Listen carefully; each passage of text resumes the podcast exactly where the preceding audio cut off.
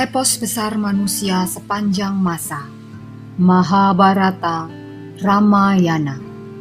Karya C. Raja Gopalacari Diterbitkan oleh Ircisot Dibacakan oleh Dian Sitoresmi dan Mariana Widya. Bagian pertama. Mahabharata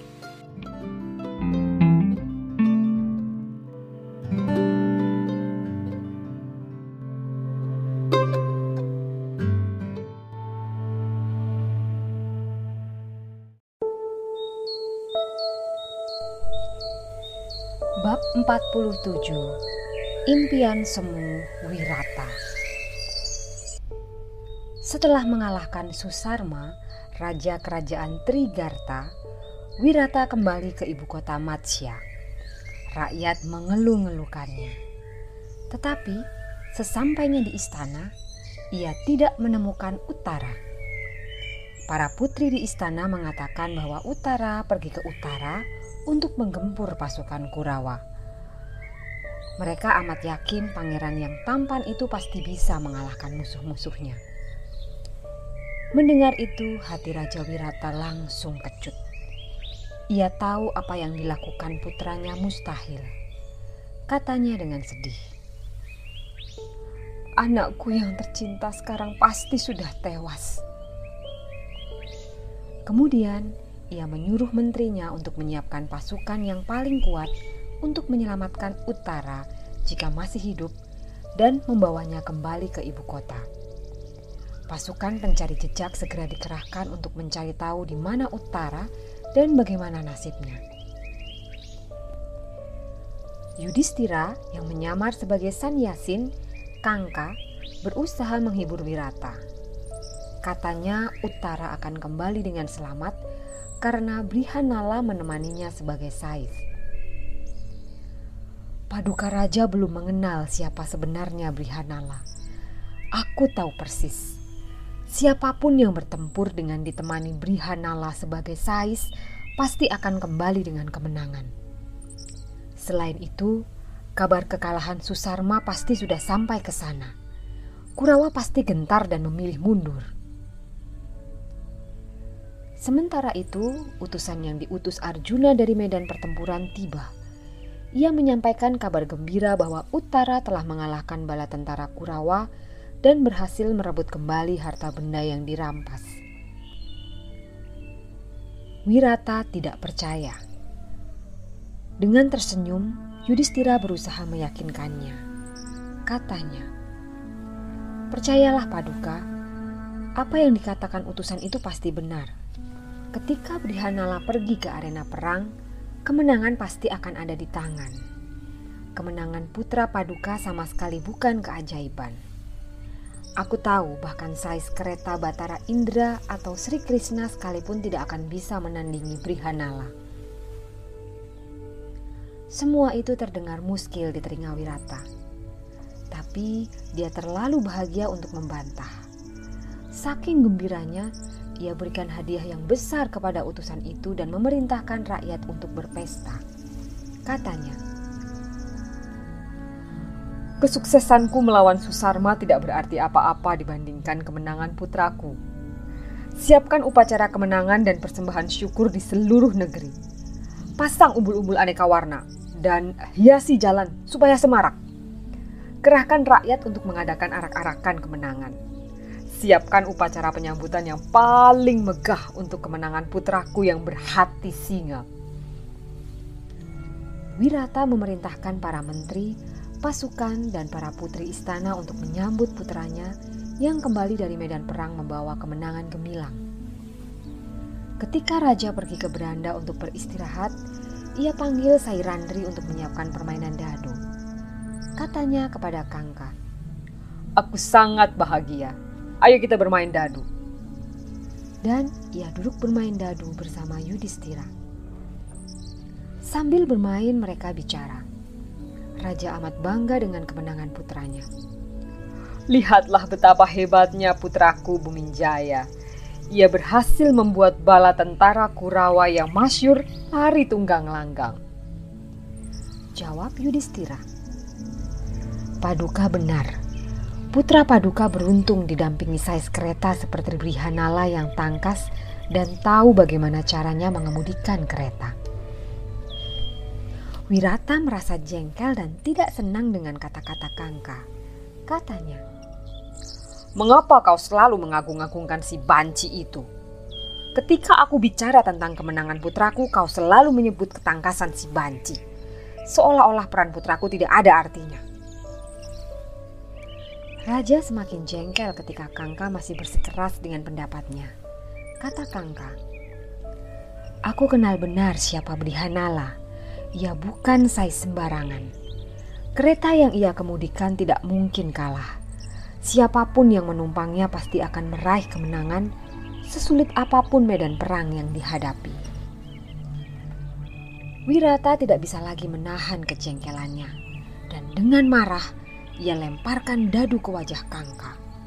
Lalu dengan keras ia tampar wajah Kangka hingga pipinya terluka dan berdarah. Sairandri yang kebetulan berada di dekat mereka melihat darah di pipi Yudhistira.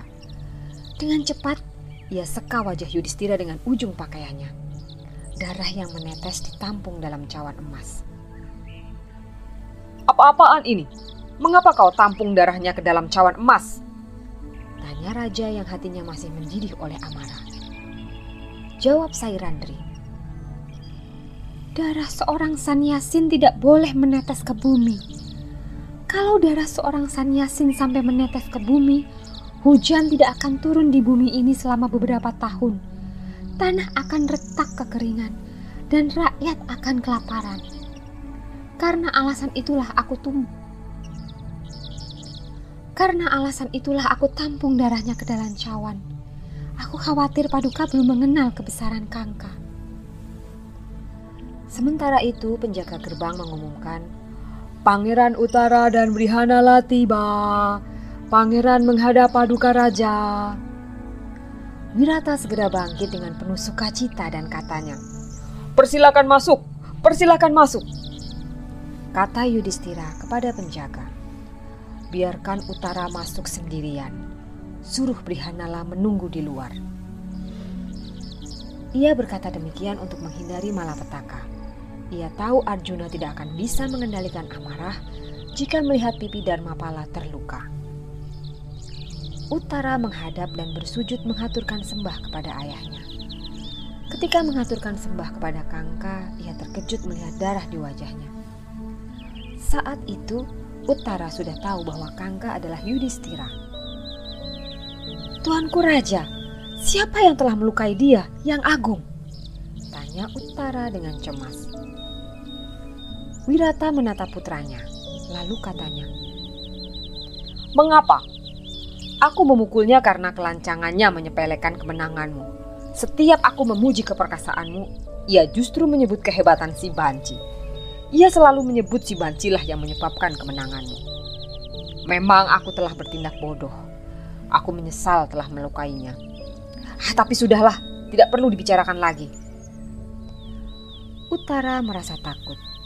Katanya, Oh Dewata, ayahanda telah berbuat kesalahan besar.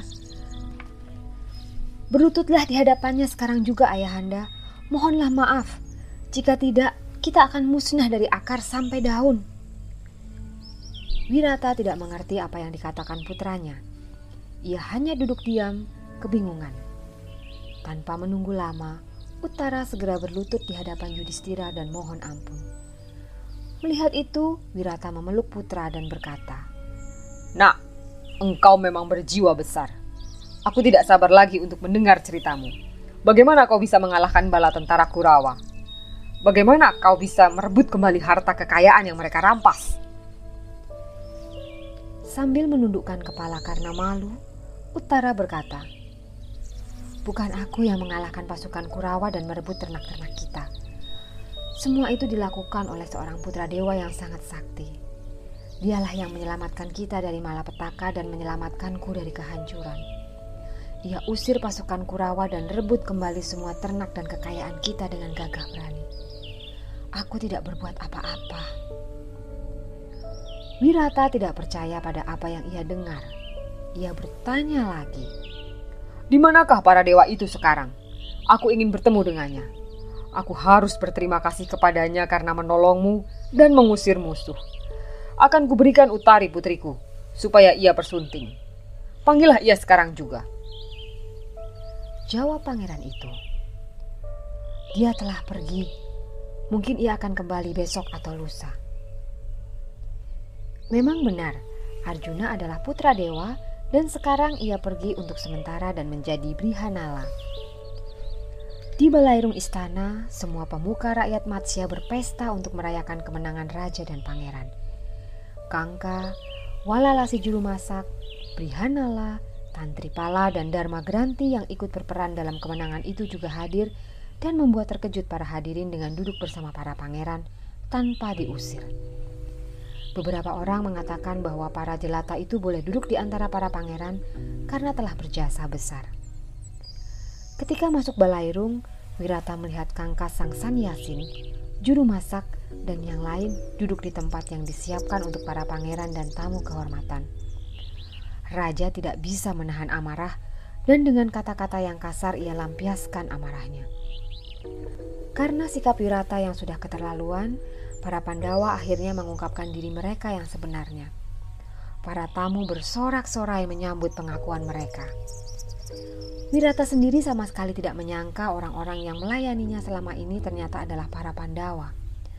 Wirata segera memeluk dan mengucapkan terima kasih. Ia serahkan negeri Matsya kepada para Pandawa. Tentu saja, para Pandawa tidak mau menerima. Wirata juga mendesak Arjuna untuk mempersunting putrinya, Uttari. Tapi kata Arjuna, "Tidak, aku tidak pantas mempersunting Utari. Putri belajar tari dan musik dariku. Sebagai guru, aku sama seperti ayah baginya." Namun demikian, ia setuju untuk menerima putri itu sebagai istri putranya, Abimanyu. Sementara itu, datang utusan dari Duryudana yang jahat dan dengki hati. Kata utusan itu, putra Dewi Kunti. Duryudana sangat menyayangkan tindakan Dananjaya yang gegabah. Karena tindakan gegabah itu, kalian semua harus kembali ke hutan lagi. Dananjaya telah membiarkan diri dikenali orang sebelum tahun ke-13 habis. Oleh karena itu, sesuai dengan sumpah kalian, kalian harus kembali mengembara di hutan selama 12 tahun lagi. Dharma Putra tertawa dan berkata, Utusan yang terhormat, segeralah kembali kepada Duryudana. Mintalah supaya dia memeriksa lebih cermat lagi. Kakek Bisma yang mulia dan mereka yang belajar ilmu perbintangan pasti akan mengatakan bahwa tahun ke-13 telah habis tepat sehari sebelum pasukan Kurawa mendengar desing Gandewa dan lari tunggang langgang karena takut. Dengarkan kisah selanjutnya di episode berikutnya.